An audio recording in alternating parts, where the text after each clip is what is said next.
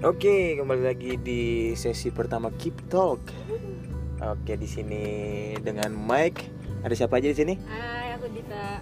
Ada siapa? Fahmi Arsyad Wow, hari ini kita bakal ngobrolin tentang cinta. Ya, bebas sih cinta apa aja, cinta kepada pasangan mungkin sih lebih tepatnya. Oke. Oke. Kita sambil jalan aja kan. Yo, dong. Oke, kalau aku pribadi sih aku ceritain cinta yang lagi apa ya terbaru aja yang lagi hot nih. Kalau aku pribadi sih baru ini bro permasalahan cinta terbaruku tuh terhalang dengan adat istiadat dan budaya sangat. Anjay. Jadi eh, ceweknya ini tuh sebenarnya saling sama-sama suka sebenarnya kayaknya sih. Cuma eh, terhalang sama ini latar belakangnya kan. Terhalang sama latar belakangnya dia kan dari suku yang berbeda nih. Aku juga dari suku yang berbeda. Nah, itu sih. Jadinya tidak bisa menyatu, Bro, seperti itu. Kalau boleh tahu cewek yang kau incar tuh dari mana? Aduh, harus dirahasiakan sepertinya namanya ya. Kalau sukunya deh, suku dulu. Suku yang paling umum lah ya kan, suku paling umum di Jogja sih paling Hmm. Batak lah paling orang. Oh, Batak. Yo gitu. Berarti um, kalau masalah suku kan itu lebih ke perihalnya rada berat gitu kali ya, Pak. Nah. Soalnya kalau udah ngomongin suku, udah ngomongin kayak ke masa depan. gitu. Itulah. Kamu nggak mau mencoba dulu atau Sebenarnya aku mau mencoba, cuman si doi ini yang nggak berani untuk mencoba, mungkin keluarga. Hmm. Entah begitulah, mungkin mindsetnya dia juga kan yang berbeda tuh belum tentu bisa nyatu gitu. Kalau saudara Fahmi gimana? Mi? Ada cinta terbaru nggak? Ya untuk sekarang. Ada kisah cinta? eh, ya sebenarnya kan kalau aku Heeh. kalau masalah cinta ntar dulu lah. Oke. Soalnya orientasiku belum nyampe situ. Oke, fokus kuliah dulu ya. Fokus kuliah, terus cari duit banyak. Heeh. Udah kalau pengen nikah ya nikah gitu. Tapi nikahnya sama siapa itu yang berat bro? Kalau nggak ada. masalahnya. Hah? Itu yang berat. Aduh. Kalau kisah cinta masa lalu gitu ada nggak sih? Asik. wah. Sebenarnya kan kalian udah udah tahu kan ya kisahnya. Tapi kan para pendengar belum tahu Belum tahu nih. nih. Iya dong. Yang lain belum pada ya tahu. kalau nih. bisa dibilang itu kayak cinta pertama aku lah Sadar. Asik nih kalau udah pecinta pertama. Cinta pertama nih yang Gimana ya? berat. sebenarnya aku udah nggak tahu kenapa ya dari awal putus nyampe sampai dia bener-bener sampai dia lulus kuliah tuh aku bener-bener belum bisa move on dari dia Wow. nggak tahu kenapa mungkin karena ada sesuatu hal yang belum aku selesaikan sama dia gitu tapi setelah ya nggak tahu kenapa aku ada kepengenan buat nulis surat untuk mencurahkan isi hatiku lah Uh. Zaman sekarang nulis Zaman surat. sekarang, uh, zaman sekarang masih ja- masih Iya. masih bisa tahu surat ya. terus tiba-tiba setelah aku ngirim itu nggak tahu kenapa ya sedikit demi sedikit udah bisa ngelupain lah gitu. jadi Tapi- ya kalau bisa dibilang sekarang udah bisa move on sih Tapi suratnya nyampe ke dia apa? Enggak nih. Nyampe. Udah Yakin? dibaca belum? Udah. Oh udah. Udah. Udah dikonfirmasi. udah Tanggapannya Oh, udah, gimana? Menangis Kalau- kan terharu kan kalau dia. dia bilang sih ya bagus sih makasih gitu. Oh. udah Isi suratnya kamu kayak eh, apa ya? Kayak mengungkapkan hal yang dirasa berarti. ya? Iya. Ada tuntutan untuk ke jenjang berikutnya gitu nggak? ada beberapa poin yang membahas itu nih Oh, Hmm. untuk memperbaiki. Ha, Oh dibilang iya. Oh, iya. Berarti bisa dibilang saudara Fahmi ini Bisa tipe dibilang sejati ya. setelah nulis surat itu aku lebih ke ikhlas lah untuk melepasnya Oh. Oh. Berarti dari dulu emang eh, saudara Fahmi tipe orang yang setia kan? Ya. Bisa dibilang begitu, Pak. Oh. Tapi godaan banyak ya sekarang ya. kalau masalah kagum ya udah biasa kan ya tapi Hmm. kalau nyampe ke tahap suka sayang cinta itu masih mikir-mikir lah Oh. soalnya kalau sifatnya aku emang bener-bener gimana ya pilih-pilih banget lah kalau Asik. Oh, jadi kalau udah bener-bener sayang ya ya. Ntar abis ini aku bagi nama Instagramnya Fami Arsyad ya. Kalau ada Bagi yang tertarik, berminat. bagi ada yang berminat, mencari ya mencari sosok pria sejati asal. Banyumas. Kalau Dita gimana? Dit? Ada Kalau kisah cinta yang dibagi nggak? sebenarnya kalau sampai ke tahap cinta nggak tahu sih aku nggak terlalu yakin dengan definisi cinta sih sebenarnya Oh, berat berat. berat ya terlalu mendasar kan Ih, kayaknya sih ya. Maksudnya kayak kayaknya selama ini walaupun udah pernah pacaran dulu waktu SMA, ya maksudnya kalau SMA mah pacarannya ya gitu-gitu doang ya. Kalau dulu sih aku waktu SMA Kita monyet lah ya. cinta monyet lah ya. Maksudnya kayak suka-sukaan doang. Terus kalau menurutku definisi cinta sekarang tuh lebih dalam gitu aja sih. Menerima orang-orang eh, orang yang benar-benar nyaman. Maksudnya bisa menerima nggak cuman lebih tapi kekurangan juga. Nah, itu tuh yang rada sulit nemuinnya. Dan sekarang belum Oh, masih belum di tahap nggak Oh. mencari sih kalau sekarang. Tapi udah banyak yang mendekat lah ya. Enggak juga Oh, jujur deh, jujur deh. Nggak apa-apa nggak usah bilang kalau deket tuh kan deket bisa hubungannya orientasi kan nggak harus ke yang romantis gitu sih cuman aku nganggapnya sekarang eh, pengen memperbanyak temen aja sih Oh. gitu Sekalian gitu ya temen bisa jadi pacar. iya gitu kan. tapi orientasinya belum ke sana sih Oh. sekarang mungkin untuk saat ini ya mungkin setelah kalau dulu sih karena mau nyelesain kuliah dulu mau gue nyelesain tanggung jawab dulu sekarang kan udah Sekarang kan udah Selesai. kuliah. ya mungkin udah saatnya membuka kali ya membuka hati semoga menemukan orang yang Amin, amin, amin. asik Tapi ini nih, menurut kalian tuh uh, suatu hubungan itu atau orang pacaran itu berpengaruh nggak sih sama kehidupan kita? Misalkan ya untuk kegiatan perkuliahan, Hmm. terus apalagi kan kita sama-sama uh, semuanya dari luar daerah nih. Mm-mm. Itu menurut kalian gimana? Ada ada uh, nilai positifnya nggak? gimana menurut kakak buncis nih Eh, kita dulu coba Aduh.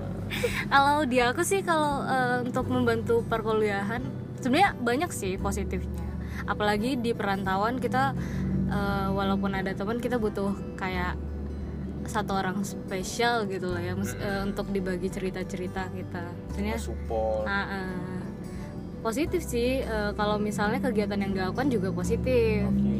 maksudnya eh, tapi di aku mungkin aku belum bisa mengatasi kayak di dalam suatu hubungan kan pasti ada drama-dramanya tuh kadang kan kalau misalnya dulu waktu awal-awal kuliah tuh ego-ego SMA-nya atau ego-ego remajanya masih ke bawah kayak apa ya kayak pasti ada tahap eh, jealous Mm-mm. tahap-tahap pengen harus ditemenin setiap saat masih ada Harus itu dikabarin tiap saat. iya nah itu tuh yang bikin aku kayak eh ya gimana Belum ya siap.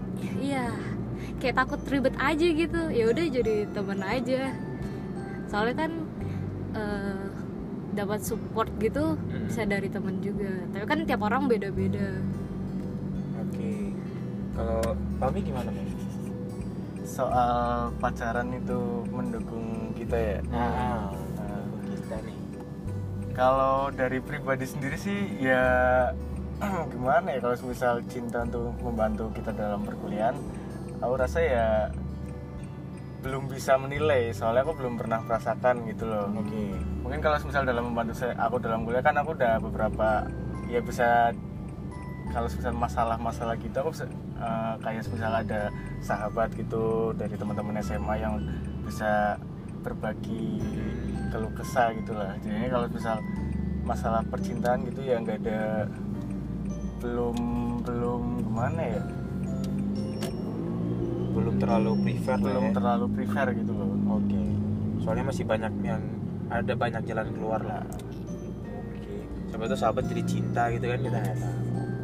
Tapi kalian eh, pernah nggak sih dari sahabat jadi cinta gitu? Uh, pernah lah masa. biasanya tuh maksudnya kalau kalian pacaran atau menjalin hubungan tuh biasanya kan ada yang tipenya dia baru eh, PDKT terus langsung jadi nih. Heeh. ada yang dia harus eh, awalnya dari temenan dulu baru jadi.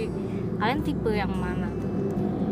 Biasanya kalau aku ya kalau aku biasanya tuh yang namanya orang awalnya tuh tujuannya buat pacaran ya pasti PDKT dong. Ah, cuman eh, biasanya tuh kalau yang pacaran sama sahabatnya tuh biasanya sesuatu yang tidak terduga. Kayak du- dulu tuh emang kita tujuannya emang temenan temenan doang. Tapi lama-lama kok dia cantik ya gitu ya. kok dia baik ya sama aku? Kok dia nyadar cantiknya perhatian. di pertengahan iya pertengahan. gitu. Jadinya muncullah kasus kayak gitu tuh temenan dulu. Kalau misalkan kita nemu cewek cantik di tempat umum terus ah dia cantik banget ya gini pasti tujuannya orientasinya udah beda bukan buat temenan kita buat pacaran lah paling enggak tapi eh kalau menurut kak Buncis gimana nih Uh, gimana nih kak Uci? Eh, Kau dulu dit. kan aku Gimana? yang nanya Oh iya ya. iya aku Eh, lagi meminta saran dan masukan ini Oh, aku nggak tahu juga ya soalnya mungkin karena pengalaman dari dulu sebelum aku bisa move on dari dari yang pertama itu aku memang benar-benar menutup hati ke orang lain gitu. Jadinya aku ya cenderung apatis gitu loh Hmm. dalam berhubungan. Jadi ya gimana ya gitu-gitu aja. Jadi datar-datar gitu aja datar-datar aja. oke. Tapi kalau kamu kan eh, berarti pernah lah ya Mike dari Oh. temenan ke iya dong pacaran gitu ya itu menurutmu merusak nggak? Merusak hubungan pertemanan itu nggak? Kalau aku sih untuk kalau yang dulu sih kayaknya ngerusak. Karena ketika kita putus itu pasti putus hubungan semuanya kan. Yang dulunya temenan terus udah putus putus saya udah gitu. Memutuskan hubungan walaupun dulu tuh temenannya baik banget. Tapi kalau sekarang sih kalau aku pribadi kayaknya lebih ke arah pacaran yang dewasa. Ada yang gimana tuh? Pacaran yang dewasa tuh yang dewasa tuh ketika kita memang udah nggak cocok dan putus tuh Ah. harusnya dewasa aja bro. Habis itu temenan lagi Hmm. santai. Walaupun nggak bisa kayak awal minimal Yoi dewasa dong. lah iya, ya paling nggak kita bener-bener orang bilang tuh clear sampai di R bro. Jangan cuma sampai di A doang. Hmm. Iya kan? Clear clear. Jangan sampai di A doang akhirnya masih disimpan. Gitu bro. Wow jadi mungkin mungkin aja tapi belum belum dapat juga sih berat ya hitungannya bahasanya kita ya. Iya. berat bro. Siapa kamu sih tapi kalau menurut kalian ah, pacaran dewasa tuh kayak gimana sih? Asik. Pacaran dewasa loh bukan pacaran ah, untuk semua kalangan umur. Kalau kita kan umur kita udah bisa dibilang dewasa nih. Hmm. pacaran dewasa yang kalian inginkan tuh kayak gimana? Eh, pacaran ideal lah ya Pacaran untuk ideal. kita lah. Sekarang. Gimana kalau menurutmu? aku ya jujur sampai sekarang tuh mungkin setelah beberapa setelah masuk kuliah lah aku nganggap pacaran itu ya gak ada artinya itu loh Hmm, ya banyak pacaran yang aku lihat ya sama aja kayak teman-teman temenan biasa gitu Hmm. jadi ya nggak tahu aku kalau misal masalah pacaran dewasa tuh gimana gitu. mungkin saudara kami minim pengalaman mungkin atau bisa dibilang bisa di aku juga oh, mau taaruf sih. ya taaruf kayaknya dia kita gimana dit tapi orientasimu eh, kalau pacaran gitu berarti ke hubungan yang lebih serius gitu iya bisa dibilang gitu Oke. Kalau Hmm. aku pacaran sebenarnya masih membangun eh ya kan kalau tiap orang kan pasti ada ideal eh, kepengennya tuh gimana. Kalau sekarang lagi membangun sih, tapi hal yang udah aku pikirin tuh pacaran beda pacaran sama temenan tuh kalau temenan itu orientasinya eh, apa ya kayak lebih have fun untuk berbagi cerita sedih. Kalau kalau pacaran tuh lebih ke apa ya hal eh, aku berorientasinya juga untuk ke masa depan sih. Oke berkomitmen lah ya. Iya jadi kayak kalau misalnya emang tujuan pacarannya masih mau senang-senang dulu mending temenan aja oke jadi untuk komitmen suatu hubungan harus sudah ada perencanaan maksudnya kita sudah berkomitmen untuk merencanakan ke depan ya walaupun kita nggak tahu ke depannya bakal gimana Mm-mm. tetap aja kalau udah masuk dibilang pacar kalau aku ya Ah. eh, udah komitmen untuk kita berencana ke depan kayak gitu Oke. Terus maksudnya eh, walaupun nanti pasti ada gejolaknya lah ya pacaran nggak bisa dihindari juga Iya tetap dong. aja harus ada dong minimal kita udah pikirannya udah dewasa lah nggak lebih bisa menjaga ego masing-masing gitu. Oh, waduh bijak sekali ya Bijak sekali ya. saudara sarjana ini ya aduh Astaga. Nah ini ada topik yang hangat nih biasanya yang dibahas sama orang nih tentang percintaan nih. Kalau menurut kalian cinta beda agama tuh gimana sih? Cinta yang beda agama sih. seru menurut Wow. tantangan kalau nggak salah aku pernah deng- eh, dengar buncis tuh bilang dia malah pengen mencoba cinta beda Cinta- agama oh. gimana tuh Cis? kenapa kamu malah pengen Btw uh, buncis ini Fahmi ya. Oh, iya. panggil, cuy. Biar gak bingung lah. Oh gimana gimana? Cis. ya gimana ya itu kayak sebuah tantangan buat aku sendiri soalnya kan ya hidup kita hidup di Indonesia ini kayak terbatas kayak oleh strata terus sama agama dan lain-lain. Yang menurutku itu ya nggak baik aja sih kalau dalam berhubungan gitu loh berhubungan ibaratnya kita kalau misal apa namanya ingin menjalin hubungan dengan orang yang, yang beda agama beda budaya mesti dibatasi sama hal itu. Ya mungkin aku pengen coba itu siapa tahu itu jadi tantangannya aku gitu Oh, Oke oke. Kalau Dita sendiri ya? Cinta Kalau beda agama. aku pandanganku untuk sekarang masih biasa aja sih jadi kalau misalnya eh, cinta itu kan nggak harus terhalang oleh agama tergantung kan kalau agama itu sebenarnya untuk masing-masing individu kan jadi untuk sekarang loh ya tanpa memikirkan eh, so- tuntutan sosial keluarga dan lain-lain di, aku nggak masalah sih asal manusianya menjalankan agamanya masing-masing dan hubungannya positif sih kan ada juga tuh kisah-kisah yang bela agama dia tetap menjalankan agamanya masing-masing dan masih akur-akur aja Oke. dan satu masalahnya nih apa Gimana? gimana? jujur kalau aku cari jodoh yang bener-bener satu agama itu masih terlalu berat. Soalnya gimana ya? Secara iman aku masih belum terlalu kuat gitu loh. Masih hitungannya masih mencari-cari gitu. Hmm, jadi kalau misal aku bener-bener berkomitmen sama orang itu kan mau nggak mau aku harus membimbing dia kan. Hmm, dan kalau dalam keadaanku yang masih kayak gini kan aku juga susah. Masalahnya gitu. Tapi kan biasanya tuh di dalam kasus-kasus kayak gitu tuh biasanya nih eh, salah satu harus mengalah nih. Menurut kalian gimana tuh kalau harus ada yang mengalah? Misalkan kalau kalian di dalam eh, kasus itu misalkan ka- kalian gimana sih responnya gimana? harus mengalah maksudnya Harus harus, yang mengalah, pindah harus gitu pindah. pindah keyakinan Nah, pindah keyakinan. kalau aku sih nggak setuju sih maksudnya tuh? pindah gara-gara eh, tuntutan pasanganmu tuh beda agama terus kamu pindah karena eh, agama itu tuh kan eh, untukku pribadi tuh kayak pandangan individu maksudnya pandangan seseorang. Kalau dia pindah karena dia emang yakin akan agama itu nggak masalah. Tapi kalau pindah karena alasannya biar direstui atau mempermudah eh, dokumen dan lain-lain aku kurang setuju sih sebenarnya. Soalnya eh ya itu kalau agama itu kan kayak pandangan kayak hal yang dipegang individu untuk eh, Keyakinan, keyakinan. ya keyakinan lah. Berarti ket- ketika kamu harus apa sih kamu menikah nih lebih prefer ya udah eh, suaminya agamanya sesuai agamanya jalani jalani aja istri jalan-jalannya aja udah gitu. Iya. walaupun terikat dalam hubungan pernikahan. Iya. Dan sekarang kan kalau nikah beda agama kan udah bisa kan? Oh udah bisa ya? Udah bisa.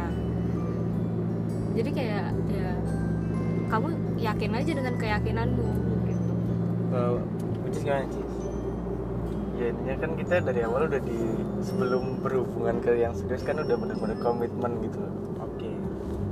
Ya udah jalanin aja kalau ya bener kata Dita kalau misal itu bener-bener atas keinginannya dia ya udah nggak apa-apa. Mm-mm. tapi ada lagi nih biasanya permasalahan yang baru nih. Ketika kalian punya anak nih ya Nah, anak kalian harus memilih. Menurut kalian gimana bro kalian kan berarti orang tuanya punya dua kepercayaan punya dua agama kan yang berbeda. Nah kalian punya anak nih anaknya harus ya menurut kalian anak kalian tuh harus ikut ke siapa gitu? Enaknya gimana? Ya aku sih nggak eh, kalau aku yang mengalami nggak ada paksaan sih sebenarnya oke. Biar maksudnya eh, kedua belah pihak orang tua juga boleh mengajarkan masing-masing kepercayaannya. Nanti di saat umur legal anaknya dia boleh memilih dia lebih Agamanya percaya sendiri. Ah. oke. Mau gimana nih itu lebih ke peran dari orang tua sih. Oke. Mau nggak mau orang tua harus benar-benar menga- mengajarkan keyakinannya mereka supaya ntar anaknya jadi lebih paham gitu loh. Oke. dia harus milih ke mana ke mana ke mana gitu. Jadi biasanya masa pertumbuhan anak tuh harus biasanya kan orang bilang tuh kayak kita tumbuh dari kecil sampai besar tuh harus dengan ajaran agama yang baik lah. Tapi paling bagusnya tuh biasanya kan satu agama nih. Kita diajarkan dari kecil sampai gede tuh. Nah menurut kalian gimana tuh? Apakah nanti terjadi masalah? Misalkan dia nanti jadinya dia eh, nggak percaya agama misalkan atau apa? Misalkan. Kalau aku sih, kalau pondasinya emang kan dari awal pernikahan juga komitmennya harus sudah kuat kan. Kalau dia udah memutuskan dia bakal nikah beda agama, pasti dia udah mempertimbangkan hal itu. Dan kalau dia udah nyemplung ke pernikahan beda agama, dia pasti udah membangun pondasi yang kuat tentang bagaimana eh, menyampaikan kepada anaknya, menjelaskan kepada anak, memberi pengertian kalau ya tentang keyakinan itu masing-masing. Mungkin yang kurang bisa kita kendalikan tuh mungkin di keluarga udah kuat nih udah itu. Tapi mungkin lingkungan luarnya mungkin. Nah itu mungkin yang harus kita jaga sih kalau di aku. Soalnya kan anak kan nggak cuma di keluarga tapi dia bakal cemplung ke kehidupan sosial dan nggak semua orang bisa nerima si eh, keyakinan yang berbeda ini itu sih yang harus diperhatikan juga oke kalau gimana Mi? no comment No comment. Oke oke. Udah berarti ya. eh, kayaknya cukup panjang nih perbincangan kali ini ya. Mungkin kita sudahi dulu perbincangan kita di sesi pertama tentang percintaan bersama saudari Dita siapa? Marfuah, oh bukan ya? Dita siapa? Dita Novita Sari dan saudara saudara Fahmi Arsyad. Oke, uh, sampai ketemu di sesi selanjutnya. Mungkin tentang percintaan, mungkin tentang apa aja. Thank you, see you. Tetap di Keep Talk.